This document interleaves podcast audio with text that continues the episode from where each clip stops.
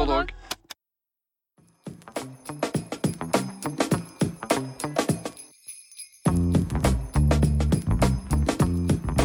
Den japanske forfatteren Haruki Murakami har hatt en merkelig effekt på verden.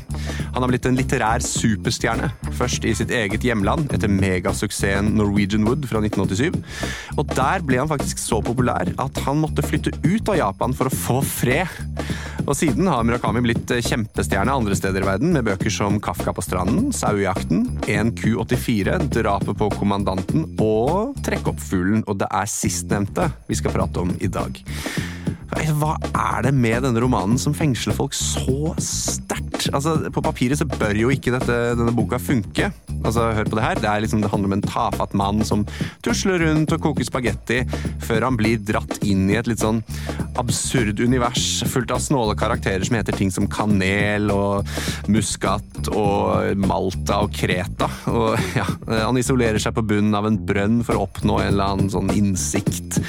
Ja, han, og så sitter han og ser på folk, og han sitter, ja, det er mye sånn tenking, og det er mye, mye indre liv, og mye sykt rare greier. Så det skal jeg snakke med dagens gjest om i dag.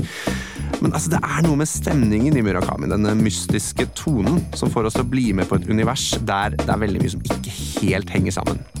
Noen ganger så i Murakamis univers så regner det fisker ned fra himmelen, eller det henger to måner på himmelen, eller det kommer en snakkende sauemann eller noen snakkende katter, og de gir livsvisdom og ja, det er ikke alt som gir mening, som sagt, og ikke alt går opp til slutt. Men likevel så elsker vi Murakami, og det gjør vi altså fortsatt i 2023, i en tid der verden kanskje ikke gir helt mening.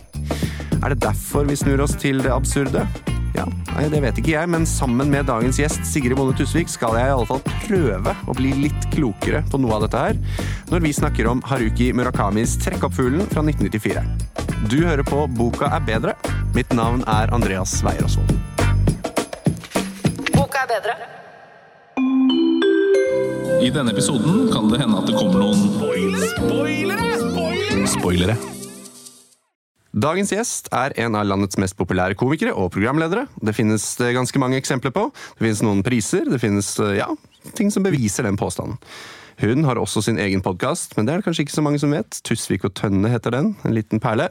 Og den duoen, Tusvik og Tønne, har også gjort utallige sceneshows og hatt et TV-program. og ja, Dagens gjest har også skrevet flere bøker, og de ligger vel alle i humorsjiktet, de også. Siste boka var vel 'Kan alle sjekke kalenderen?' fra 2020.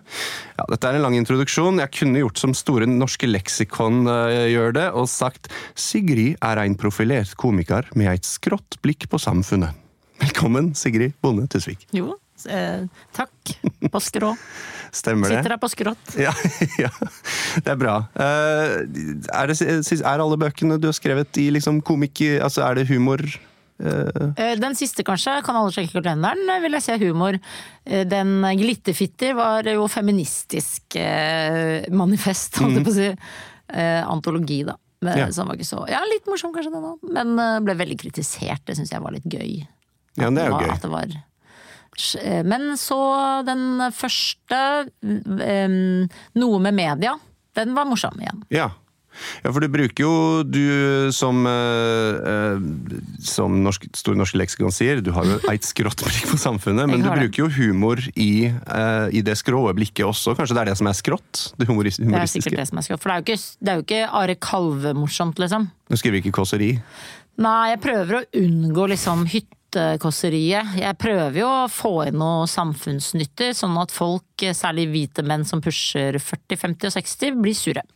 Det er min, mitt mandat. Bra, for det er en ganske stor målgruppe som, som du kan De blir jo kjempeirritert og bare sier ah, må du åpne kjeften. For et irriterende menneske.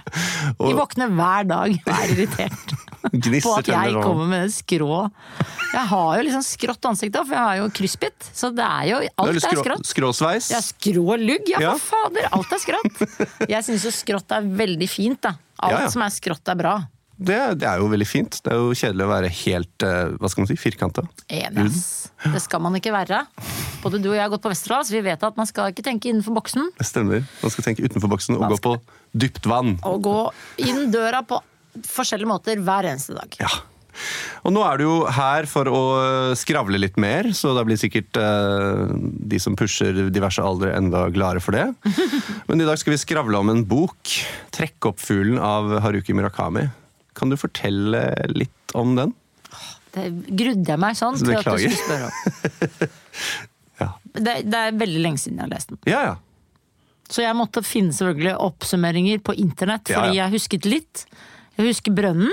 Mm -hmm. Så husker jeg at han er eh, hjemme og vasker opp mye. Og det er jo da hovedpersonen, Toru Okada. Det måtte jeg faktisk søke opp. Jeg husket ikke at han het Toru Okada. Men han har sagt opp stillinga si som eh, jurist, og er liksom hjemmeværende mann og lever på kona. Så mm. forsvinner katten først.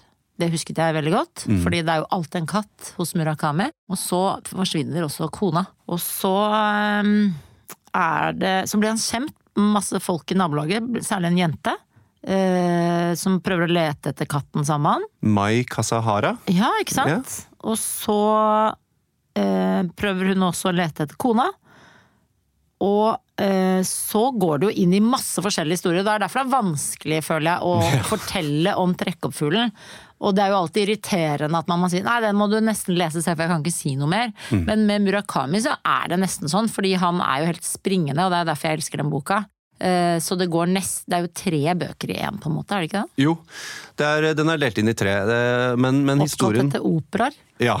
Så det er, ikke, det er jo ikke liksom Men det har ikke jeg brydd meg så veldig mye om. Nei, jeg er ikke ha... sånn feinschmecker som syns at det er så veldig gripende. Nei, og du må jo ikke ha inngående kunnskap i klassisk musikk og operaer for å forstå forstå denne boka, det kan man jo si.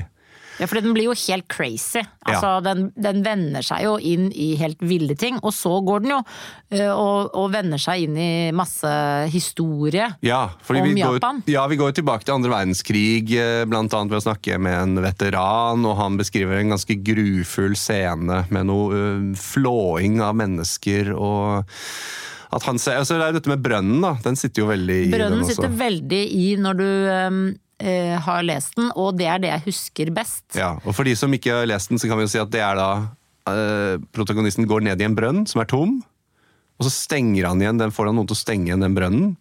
Og så sitter han der uh, helt, i helt mørke Nei, han, han, har vel bare det at solen ikke går ned. Og så er det ett tidspunkt på dagen hvor solen treffer sånn helt perfekt på han. Ja. Og det er det han venter på, for da får han en sånn eufori.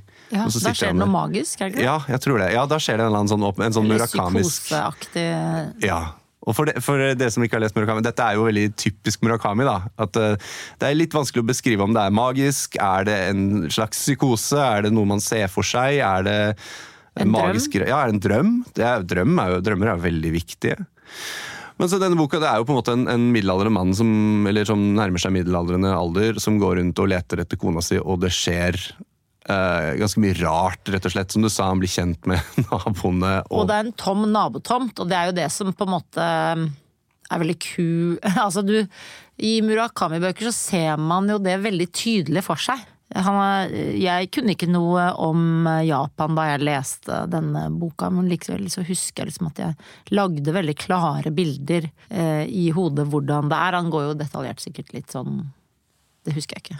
Men jeg har alltid sånn klare bilder av hvordan, hvordan de lever. I hvert fall det, i Trekkoppfuglen. Ja, fordi du sier at det er sånn ca. 15 år siden du sist leste den. Det er jeg tror sånn jeg leste den sånn 1999-2000, faktisk. Ja, ikke sant. Og det er i hvert fall rundt ti år siden jeg sist leste den, kanskje. Men den, har du lest den flere ganger? Ja, jeg har lest den flere ganger. Er det sant? Jeg leste, ja, Murakami begynte jeg på altså Jeg fant han da jeg var sånn rundt 1920. Og ja. da det traff meg fullstendig. Ja. Og så leste jeg alt som Oi, var ute. Så kult. Og Trekkoppfuglen har jeg lest ja, tre ganger, tror jeg.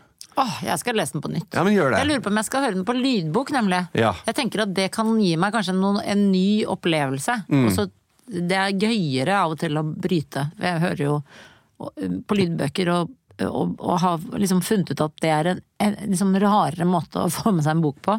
Ja, er du sånn som Hører du mer på lydbok enn du leser? Nei, jeg leser egentlig mest, men jeg mm. leser veldig sakte. Så jeg bruker lang tid, og så må jeg alltid ha pauser mellom bøker. Fordi eh, når jeg har lest en bok og begynner på en annen, så forsvinner den forrige boka jeg leste. Ja, men det er vel eh, Det tror jeg ikke du er alene om, altså. Nei, det er bra du sier, for jeg tror jeg er dement, har demens. Og er eh, eh, At det er noe galt med meg. Men det Kanskje er du må- hyggelig at du sier at eh, Ja, men jeg tror det er vanlig. Altså, jeg opplever det noen ganger, jeg, også, at jeg kan sitte igjen. Men så er det noen bøker, som eksempel denne, som senere kan sitte ganske altså, i mange, mange, mange, mange år. Kanskje flere tiår. Så sitter det noen scener veldig tydelig, og som du sa, man ser det veldig for seg. Men altså Jeg hadde helt glemt den, faktisk, på en ja, måte. Men du, du foreslo denne her da jeg maila deg og spurte om du ville være med. Men det var fordi jeg hadde møtt en fyr som minte meg på Trekkoppfuglen Ah. og brønnen. Og hadde en, eh, en referanse til den brønnen som dro meg altså umiddelbart tilbake til Trekkoverfuglboka, Og jeg tenkte å fy søren. Og dette var jo en fyr med en hjerne som uh, tydeligvis husker bøker. Så jeg ble veldig sjalu og imponert. Men da har du jo øh, altså, Hva var det som da trigga deg til at den, må, øh, den vil jeg snakke om? Det var fordi at eh, du mailet og sa at denne podkasten handler også om litt andre Altså at man kan trekke inn andre ting i samfunnet, eller eh, hvor måten vi lever på, eller andre ting vi ser på. Eh, og Trekkoppfuglen mener jeg jo er Og da, det var egentlig Jeg tror du meldte meg akkurat eh, rundt Oscar-tider, da Everything Everywhere All At Once Ja, ok. eh, vant alle de prisene. Eh, og det mener jeg er en film som minner litt om Trekkoppfuglen i måten å vende ting på. Ja, hvordan da? Eh, den derre at du tenker ja, nå skjønner jeg filmen. Nei, nå skjønner jeg Altså at du må, du må være med på leken. Ellers Ja. er ikke den filmen noe gøyal. Okay. For den drar deg både i humor, eh, liksom humorretninger, eh, alvor, mening med livet, såre ting, Mm. eh, kjempegøye ting, action, sci-fi og i det hele tatt. Ja, ikke sant? Så det høres jo, Jeg har ikke sett den filmen, men det høres jo ut som den Du øh, må se den filmen. Ja, den må jeg se. Og så skal du lese 'Trekk opp fuglen' igjen? Det må jeg, jeg skal høre på den. Jeg hører på den, ja, selvfølgelig. Ikke sant? Ja, men sånn, uh, tror du det, er det noe, Sier det noe om hvordan vi lever i dag? At vi liksom, det er mye på en gang? Er det derfor uh, det, det treffer? Altså den type Den filmen gjorde du åpenbart veldig, veldig bra, og den er veldig sånn Og det er jo helt rått at den vinner fordi den er så rar Mm. og morsom og grov og gøyal og, og helt vill. Eh, ikke bare fordi at eh, asiatere for første gang eh, gjorde store slem på Oscar, men, Mm. men eh, virkelig. Og så er det jo også den sørkoreanske filmen 'Parasitt' som også vant, ikke Ja. sant. Eh, som minner litt om Trekkoppfuglen. Ja. Fordi de bor jo i i en hemmelig etasje under huset i Parasitt, og eh, det minner litt om Brønnen. Altså den eh, kanskje sørkoreanske, japanske, asiatiske måten å tenke på og fortelle historier på fascinerer meg noe helt enormt, fordi jeg syns virkelig de ikke tenker innenfor boksen, og de er helt ville, og de bare De har ikke hørt på forleggeren, føler jeg. Nei. Og, Eller eh, produsenten. og det skal vi være litt glad for, da, i hvert fall med, med Murakami og Parasitt også. Men jeg tenker at ja, det er noe i det der, fordi hvis du har sett disse Studio Ghibli-filmene, så er det jo også litt sånn strukt, Historiestrukturen er litt annerledes enn hvis du sammenligner med en, liksom en Disney-film. da. Ja, ja. Så der, der er det jo mye mer sånn tydelig sånn begynnelse, midt, slutt. Uh, mye mer sånn Litt sånn strengere rammer, tenker jeg. Men, men uh, slutten kommer litt bråere, eller den får lov å holde på litt lenger. Og, altså det er noe med de filmene, og det finner jeg litt grann i Murakami også. At Ja. det, er, det, det får flyte litt over, og det syns jeg er fint. Ja, og uh, også det at han holder på lenge i trekkoppfugl med disse japanske historiske tingene sine. Som er ø, sært og gøy, da. Ja. Eh, og eh, det som er også kult med Murakami, som jeg har skjønt liksom, med å ha lest mange bøker, er jo at han drar inn bare folk fra andre bøker. Som bare kommer igjen i bøkene hans. Ja, bare, en, uh... Han gidder ikke å si sånn nei, det tilhørte trekkoppfuglen, da kommer ikke de tilbake. Altså, det bare, du, han bare tar inn, liksom, Ja. uten å forklare. Ja, for det er en uh, fyr i trekkeoppfuglen, han Ushikawa, en sånn pengeinnkrever som dukker opp ganske sent i boka. Han har jo en stor rolle i en annen ganske stor Murakami-bok som heter 1Q84, for eksempel. Ja. Så det opplever man som et sånn sånn delt univers, da. At det er på en måte... Men har du lest noe annet av Murakami? Jeg har lest Norwegian Wood, og eh, jeg har lest eh, Kafka på stranden. Ja. Og ikke den uh, 1Q84. Den begynte jeg på, men da drev jeg ammet, så jeg fikk ikke med meg noe. Så ble jeg litt sånn ah, Man må faktisk uh, være et ordentlig menneske når man leser Det- Murakami. Et helt menneske må man være. Det er vanskelig, for det er over 1000 sider. Ja, Så- så det var litt, uh, det var litt eh, dumt å, få, å starte på det. Men ga Norwegian Wood og Kafka på stranden ga det mersmak? Og fuglen, åpenbart? Ja, eh, absolutt alle eh, bøkene syns jeg er eh, kule. Eh, og så syns jeg jo at eh, altså japansk litteratur er veldig likt, egentlig, hvis man leser da flere, men eh, likevel så forskjellig at eh, Men det er et eller annet sånn ja, veldig mystisk fint med det. Dette er kanskje litt vanskelig spørsmål å svare på, men hvorfor er vi så fengslet? For det Murakami er jo en sånn litterær superstjerne, og det til tross for at han har skrevet bøker om liksom, fisker som faller fra himmelen og i Kafka på stranden, og mennesker som eh, blir flådd, og eh, det er vel en sigarett, nei, en whiskymaskott som eh, tar livet av noen katter. Og, altså, det, er, det er rart, og det er ganske brutalt og mørkt, og det er ikke alt du får svar på. Hvorfor, altså, hvorfor, hvorfor er vi så fascinert av Murakami når det er så, det er så annerledes? Det er kanskje derfor man blir fascinert, og litt sjalu på at han Ja. eh, får lov og tør. eh, Og får det til, ikke Ja. sant? Fordi eh, nå skriver ikke jeg romaner. Skriver du romaner? Jeg gjør det, og jeg Så blir sjalu. Ja, blir ikke litt sjalu?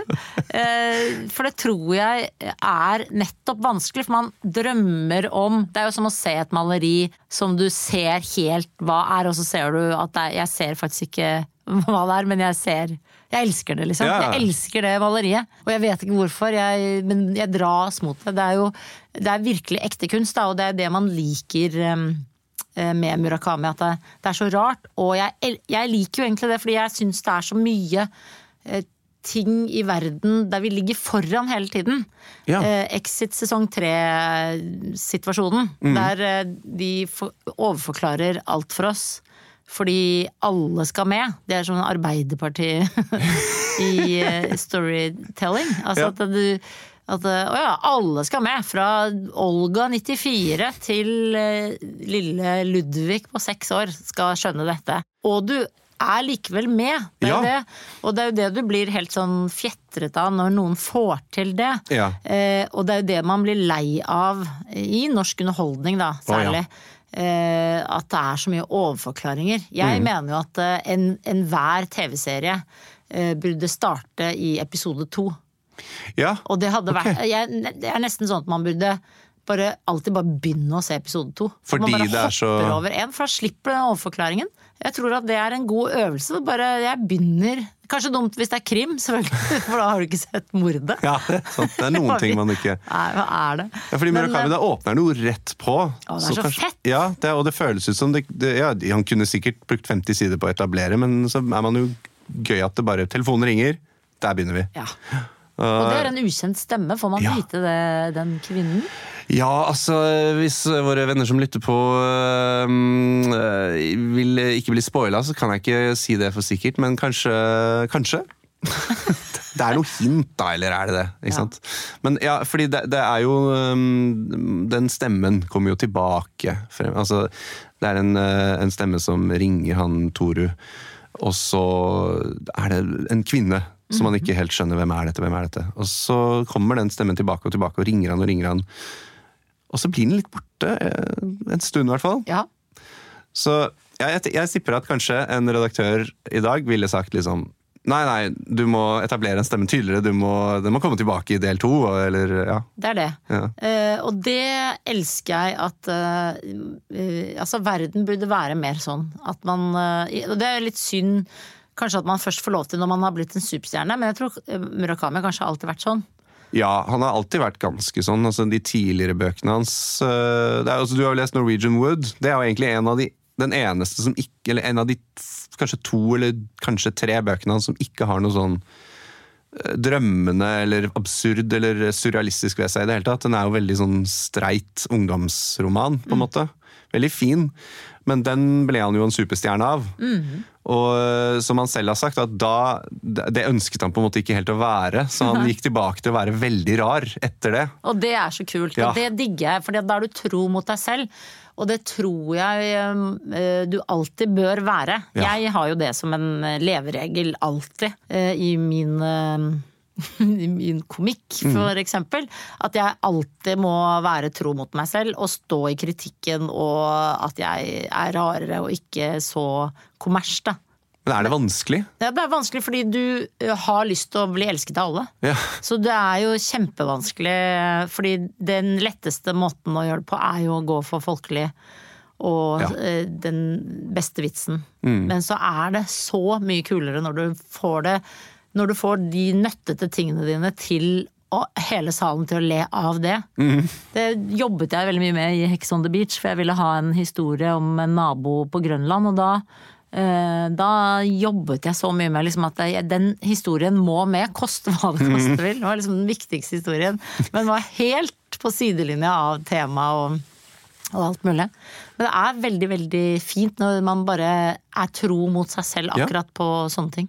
Nå skal ikke jeg si at standup er kunst, men, eh, men det, er, eh, det er lurt, tror jeg, i, sikkert generelt i livet, tror du ikke det? At man har det som en regel, og også eh, nettopp hvis man blir dratt mot sånne ville ting, da, sånn som åpenbart du og jeg blir, så at man alltid liksom Ja, at man øver hjernen til å nettopp glede seg over sånne ville, rare, nøttete ting. Absurde ting, og ting som ikke alle liker, da. Ja, At man liksom godtar det, på en måte, for det er jo en del av hjernen som kanskje også har lyst på en struktur, og som har lyst på logikk.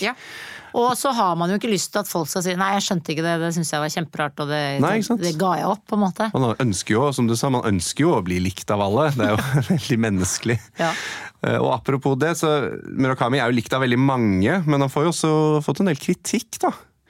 Eh, Jeg vet ikke om du har fått med deg det, men han, eh, en av de tingene jeg pleier å synes er litt morsomt, og også litt kleint, det er at han pleier å bli nominert, eller har i hvert fall blitt det flere ganger, til The Bad Sex Award. Oi! Det er, det altså? Ja, det er altså Hvis du kjenner til hele den der Razzie, denne eh, Oscaren som får dårlige filmer, liksom, Ja, ja. så er det litt lignende med liksom dårlige sexbeskrivelser i bøker. Oh, ja. Og da har jeg bare lyst til å lese et veldig kort, kort utdrag. Uh, og det er jo da uh, Dette er en artikkel i The Guardian. Uh, og Murakami ble nominert for den forrige romanen som i hvert fall har kommet ut på norsk, som heter 'Drapet på kommandanten'. Så han sier da eh, sitat Again and again, semen poured from me, overflowing her vagina, turning the sheets sticky. Og det er bare litt, altså. Jeg gidder ikke å gå så mye inn på det, for det blir ganske med Da blir det sånn Onlyfans. eh, Ja, det blir Kan vi veldig legge ut denne podkasten på Onlyfans? Nettopp. Da må folk betale for å høre det, for nå blir det jo jævlig interessant. Jeg visste ikke at eh, vi skulle dit. Dette er mye gøyere. Det er ikke sant. Dette er fra en Guardian-artikkel skrevet av Alison Flood. Og Jeg vet ikke om han vant den, men den han har i hvert fall dukket opp på den lista flere ganger. Og det henger litt sammen med en annen ting som han ofte blir kritisert for, og det er jo liksom flate kvinnekarakterer. Ja. Kan du skjønne den kritikken? Eh, er det bare han som får den kritikken? Nei! Det er det ikke. Er ikke dette et veldig gjennomgående tema for mannlige Ja, forfattere? Det finnes en sånn gruppe på Reddit blant annet, som heter Men Writing Women, hvor man da også poster Det må være mye. Lang, lang liste. Veldig lang liste. Ja. Så han er absolutt ikke i, i Han er ikke alene. Nei, nei, nei. Men han er jo litt sånn, det er litt sånn unge damer, som, eller jenter, da, som får uh, litt formodende egenskaper, kanskje, i noen av bøkene hans. Ja, nå skal man jo si at uh, Japan er jo et meget spesielt seksuelt uh, land, da. Ja. Jeg var der nå før påske. Jeg var i et sånt der eh, pornohus i åtte, ni eller tolv etasjer. Ja. Så startet nederst, ned i kjelleren først. Liksom tenkte vi tar en og en etasje. Ja. Ganske smalt hus. Måtte gå i trapp og sånn. Det var et sexleketøy da. Da startet vi jo med sånn anime barneknulledokker ja. i, i kjelleren. Eh, og det er, jo, det er jo en spesiell interesse. ja, det er jo ekstremt. Og det er jo liksom ekstremt. i handlegata, på en måte. Du Ja, for- går inn i det huset. Ja, ja, vi går og kjøper en hestebuttplug. Uh, som vi jo gjorde, for vi syntes det var såpass gøy. Men, Men var, i hvilken sammenheng var du der? jeg var der med Lisa Tønne. Tusvik og Tønne var på Vi skulle podkaste fra Tokyo. Okay. Pluss at jeg har en fetter som heter Mr. Jabatan, som er superstjerne i Tokyo. For, Eller Japan, da. Ok, hva er uh, hans Han er komiker. Han, er, eh, altså han blir stoppet hvert femte minutt på gata for å ta selfie. Altså Han er så stjerne. Han har vært på morgenshow med flere hundre millioner seere. Altså det er bare Han er stjerne i Asia, følte jeg var sånn. i Sørkoreanerne visste også hvem han var, liksom. Ok, ja, så, så han er kanskje til og med en større stjerne enn uh, Murakami selv, da? Ja, eller han er en annen sjanger. Ja, ja. Men uh, på Insta er han større stjerne enn Murakami. Men, uh, så jeg besøkte fetteren min og tok med Lisa uh, for å podkaste fra Japan. Gøy. og gjøre litt research og kjøpe hestebøtteplugger og se det. på barneknulledokker i anime, som jo er grusomt, vil jeg bare si. Ja, det er det. Men du ser da på en måte den japanske veldig Husk at jeg er jo eh, Norges største pornostjerne, visste du det? Nei. Fordi jeg Nei. spilte en sketsj i Torsdag kveld fra Nydalen, der jeg sprutet morsmelk fra mine ammende bryst på Himanshu Gulati, som da eh, var i Frp. Han er der ennå. Han fikk morsmelk på seg. Den videoen ble lagt ut på YouTube.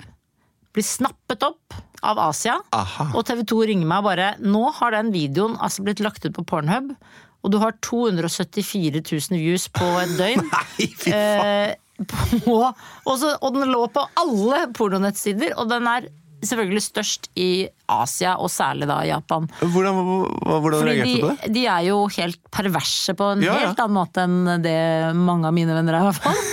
Fordi vi så jo denne morsmelksketsjen som humor. Så Han var jo litt drøy i Norge òg, men, eh, Jeg husker jo dette vagt, jeg gjør det. men eh, jeg har altså blitt eh, takket være Japan og Asia, så er jeg Norges største pornostjerne. Du ble ikke kjent igjen på gata? Jeg, var, det var ingen som ba om selfie med meg. De Men sånn rødmende ekte menn som prøvde å gå bort. Jeg burde jo ha gått mer liksom rundt i det huset, der hvor det var de sexleketøyene. Ja, bare For det er der det kunne ha skjedd. Ja. Hvordan var det? Bare sånn øh, den beskjeden å få? Nei, det var jo altså kjempegøy. Det, var noe, det er jo ikke noe farlig å være på pornhub hvis det er eh, morsmelk. Ja, ikke. Altså Det er jo verre med sånn revenge porn, føler jeg. Ja, ikke. Mens eh, jeg takler å være Altså Jeg vil jo si at eh, jeg så ikke det komme. Nei. Nei, det kan jeg jo Veldig mange syns jo jeg er en ufyselig feminist. Men da kan jeg ofte svare tilbake. Men jeg er også Norges største pornostjerne. Det er en bra replikk. Jeg har mange, jeg har mange lodd, Det er mange lodd i livet. Eh, det er gøy å snakke om det, ja, men vi må kanskje tilbake til Murakami. Dessverre. Men det og svaret, vet du hva svaret er? Ja, ja. Det bryr jeg meg ikke noe om. Jeg leser aldri en mannlig forfatter sine bøker og irriterer meg over kvinnekarakterene hans. Nei. Eh, Det er livet for kort til. Jeg bare godtar forfatterens eh, liksom eh, valg av de karakterene han bygger, Ja. eller hun bygger, og sånn får det bare bli. Jeg, Ja. jeg, jeg orker ikke å sitte og bli irritert på forfatterskap på den måten. Nei. Men det er også kanskje fordi at jeg eh, ja, altså jeg liksom tenker at eh, man må velge sine ergrelser Mm. i livet. Mm. Og jeg har trent meg opp til å ergre meg ganske lite over ting. Og det, jeg orker ikke at man blir irritert på en eh, Altså en bok man leser av sånn 'Å, det er elendig kvinnekarakter'. Det ødelegger ikke en- den bare lar jeg gå, liksom. Da Men er det, jeg, legger du merke til hvis det er jævlig gode kvinneskildringer av en menn, eller tenker du ikke noe over det? jeg tenker ikke noe over det.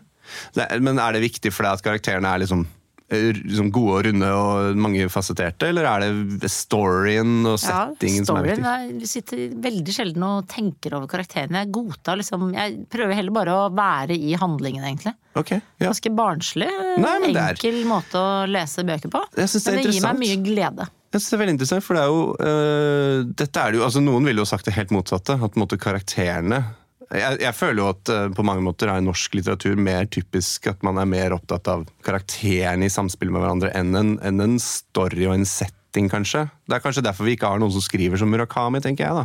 Altså, Mathias Fallbakken Ja. skriver jo helt vilt. Ja, han er kanskje i det sjiktet. Ja, så det syns jeg er gøy. Og min tante Marit Husvik. Hun også skriver Ja. hver setning som et smykke. Så det er noen forfattere der ute som virkelig nøtter det til. Mm.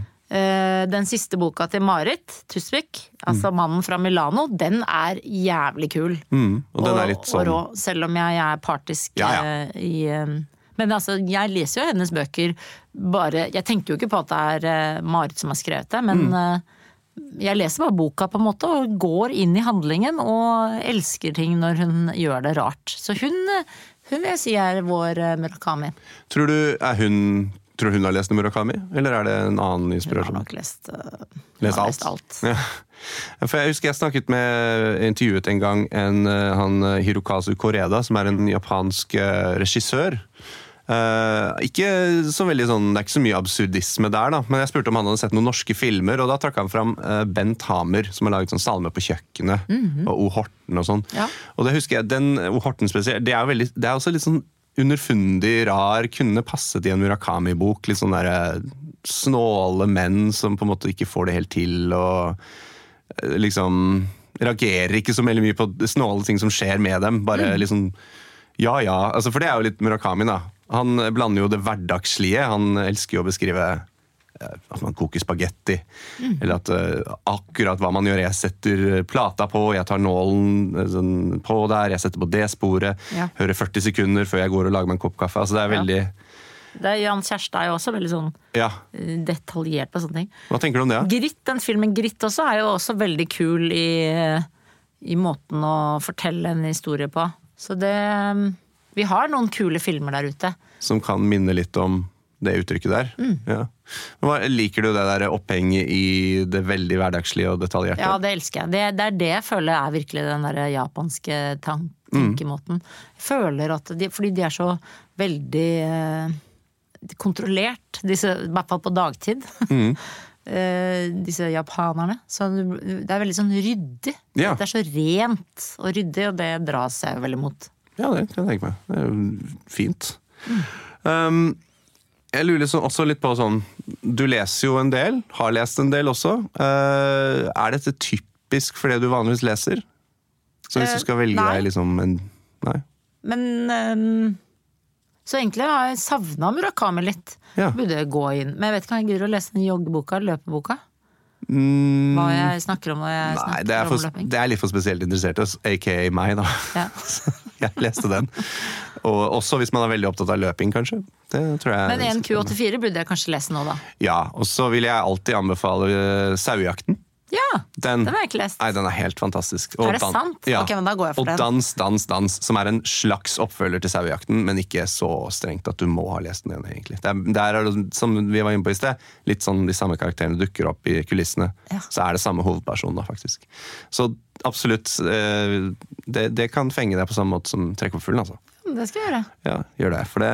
Men er det liksom Hvis du velger en bok til eh, sommer, sommerferien kommer, og du skal på stranda, eller altså, hva er en typisk beach read? Å ja, nei, det Nå skal jeg lese Maren Uthaug sin siste 11 Ja, Ja. og det er den jeg eh, går for nå. ja. Da kan jo den eh, i mitt travle liv vare utover strandtiden. Ja, ja.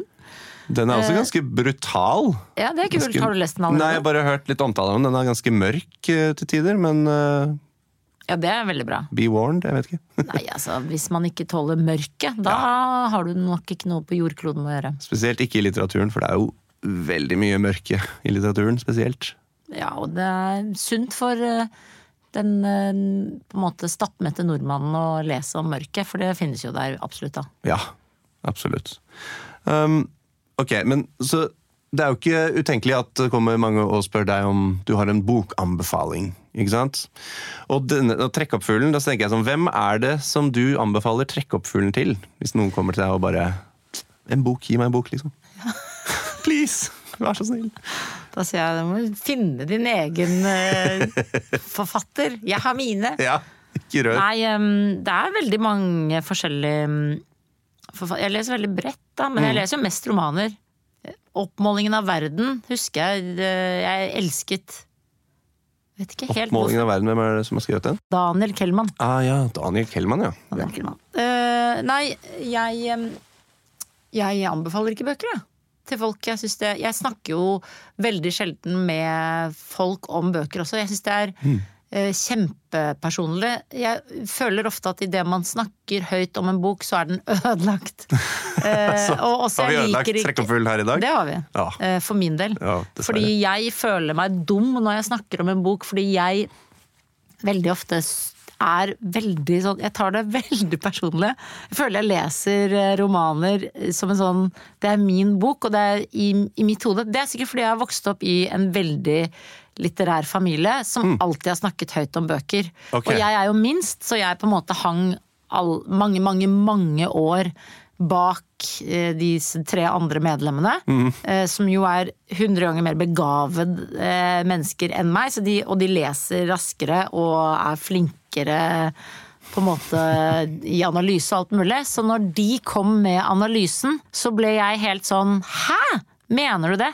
Mens mitt trumfkort Ja. var at jeg leser sakte. Jeg husker, jeg husker liksom nesten ethvert kapittel, og jeg husker nesten sånn Det var på høyre side jeg leste den setningen. Ah, okay. Det er sånn jeg husker. Sånn så, jeg, ja, så jeg kunne alltid si sånn Jeg lover dere, dere har misforstått. Og så kunne de si da Ja ja, men det, ja, da husker jeg kanskje litt feil, da. Og tenkte sånn Hæ, det er jo helt sinnssykt! Altså, for jeg er en sånn nøye, saktegående leser som koser meg noe veldig, og må da ha pause etterpå mm. for å ta farvel med boka, fordi jeg ikke skal huske den videre i livet. Eh, så det, eh, så det, jeg anbefaler jo ikke bøker til folk, fordi jeg føler at det, jeg er en redd for at folk skal si ah, den likte jeg ikke i det hele tatt, og så er det en av mine fineste opplevelser. Og da tenker jeg at jeg enten er dum, eller eh, at jeg har misforstått den personen, eller misforstått boka. Okay. Og det eh, er jeg veldig redd for, så jeg er kjempe Liksom, jeg er veldig var og vag når det kommer til eh, å anbefale litteratur. Jeg vet ikke om noen kjenner seg igjen i det, men jeg, Kanskje. jeg er kjemperedd for å på en måte si høyt noe om boka, eh, også fordi at det kan ødelegges kanskje inni fantasien min. Eller hvis noen faktisk sier sånn Ja, for den handler jo om Helt klart Ja. om Geopolitiske sånn- utfordringer i ja. Og så er det bare sånn Hæ? Jeg, jeg, oppfattet ikke det i det hele Men jeg syns det er litt fint at du har din, liksom, din sannhet. Og, og så det er jo ingen én sannhet om de fleste bøker, vil jeg jo også påstå. at Man kan jo ikke si liksom strengt tatt at eh, Murakami skriver bare om det og det, og den boka handler bare om det og det. Nei, det det blir jo litt feil, da. Ja, det elsker jeg også, at vi ikke kan på en måte oppsummere Trekkoppfuglen. Mm. Fordi den er så vill. Den er så massiv og rar, og Ja. sitt eget lille univers. ja. Men er det sånn at du, du ikke ser så mye film basert på bøker du liker? Siden du sa det med at eh, du kan ødelegge det, liksom det du ser for deg. Ja, det må jeg da ofte bruke liksom la det gå mange år, Ja, og så kan jeg se den. Ta, inn, ta med en sånn pustepose inn for å være sikker på at ikke det blir for mye sterk kost. Ja, sitter og Nei, men det, jeg, da, For da blir den jo i hvert fall ødelagt. For da Ja. har jo Kate Blanchett plutselig blitt hovedpersonen i boka, og da må jeg jo stå i det. Så det er jo et helvete å, å se en eh, film, særlig amerikansk film, da, som da nok en gang har forenklet sant? noe som du Ja. tenker er genialt i boka, og så er det sånn nei, det måtte de selvfølgelig droppe, og det var kanskje det, det beste du visste i, i boka. Og det ble for rart, eller det ble for sært, eller det ble for langt. Og det er alltid synd. Det tror jeg mange kjenner seg igjen i. Mm. Du nevnte Maren Uthaug. Er, det- det det, er det det du skal lese nå? Nå skal det- jeg inn i den. Er det, hva var det siste du leste som du liksom syns er verdt å nevne? Nei, jeg leste da 'Stakkar' av Mathias Fallbakken, Ja. eh, som jeg syns var kjempekul. Fordi han skriver så spesielt, og så annerledes enn alle andre i verden. Mm. Han, Og det er så kult. Hva er det som gjør det så annerledes? Er det liksom noe som går an å oppsummere? Jeg, jeg føler hver setning Eller han bare vender setningene sine så rart. Er liksom, ja, nok en gang blir sjalu på måten han skriver på. Du har lyst til å være inni hjernen hans og skjønne jøss, hvordan kom du på dette? Og så er det bare um, Ja, du, du, du ofte går tilbake og leser liksom setningen på nytt. Og Ja. det er jo ofte et godt tegn. Altså, Ja. nå må jeg lese, må jeg lese dette avsnittet en gang til. Fordi det er så Ja, altså sikker på at du liksom får det med deg? Ja, og det også. Du må virkelig holde tunga rett i munnen når du leser den. Du kan ikke bare slumre deg gjennom og sovne litt underveis. Nei. Du må, og den var veldig kul, fordi han han er jo helt rå på å lage grusomme mennesker. Ja, ok. Det er så rare ting, liksom. Det er så rare skapninger inni bøkene hans. Mm. Det er, liksom, liksom, er det litt sånn mytologisk over Jeg har ikke lest noe av det, men Vi det- var fem ja, er jo også veldig kul. Sånn leire som snakker. leire som blir, eh, blir et, eh, nesten et menneske, eller blir et vesen. Eh, det er også bare ja, ting han kommer på, da. Og at han aldri fortelle på en måte hvor du er, hvilket årstall du er i. Så du vet ikke om du er i gamle dager eller nåtid, Ja. eller når, når er det. Det er man alltid litt usikker på. Det er kult. Kunne du tenke deg å skrive romaner? da? Noe sånn Nei, det har jeg ikke Jeg har veldig respekt for Altså, jeg er forleggerdatter, så jeg kaller meg jo ikke selv forfatter, selv om jeg har smelt ut tre bøker, eller for det er jo disrespekt mot forfatteren. Det syns jeg ikke. Jo, absolutt. Det er jo helt uh, drøyt. Det, de ler jeg av, de jeg møter som sier sånn 'og jeg er forfatter', og så tenker jeg sånn Og så har du gitt ut uh, liksom Ja, det jeg har gitt ut, da, kan man ikke kalle forfatteri. Det er jo tre Så- ganske forskjellige titler. Nei, men det er ikke Det holder ikke mål. Det, det er bare fordi jeg er kjendis og Kagge har lyst til å gi ut bøker. Så det, det holder ikke. Det men, og det er respekt for uh, forfatteren, da. Det er veldig Altså, hyggelig, forfatteren sitter jo og lider, for faen! Det skal Noen ganger i fall, ja. ikke det komme en rappkjefta komiker og stjele tittelen deres. Det nekter jeg å gjøre. Så det, jeg tror ikke jeg tør å skrive en eh, roman, nei. Nei, men øh, Den dagen det skjer, skal jeg ringe jeg deg. ville lest Ja, ring meg. Jeg ville lest den. Så hyggelig. Sigrid Bonde Tusvik, tusen takk for at du har vært med på Boka er bedre. Takk for meg. Du har hørt på Boka er bedre. Produsent har vært Felix Sullivan. Tekniker har vært Joakim Sandvik. Boka er bedre er produsert av både og med Stian Lettesier. Og mitt navn er Andreas Weier Osvold.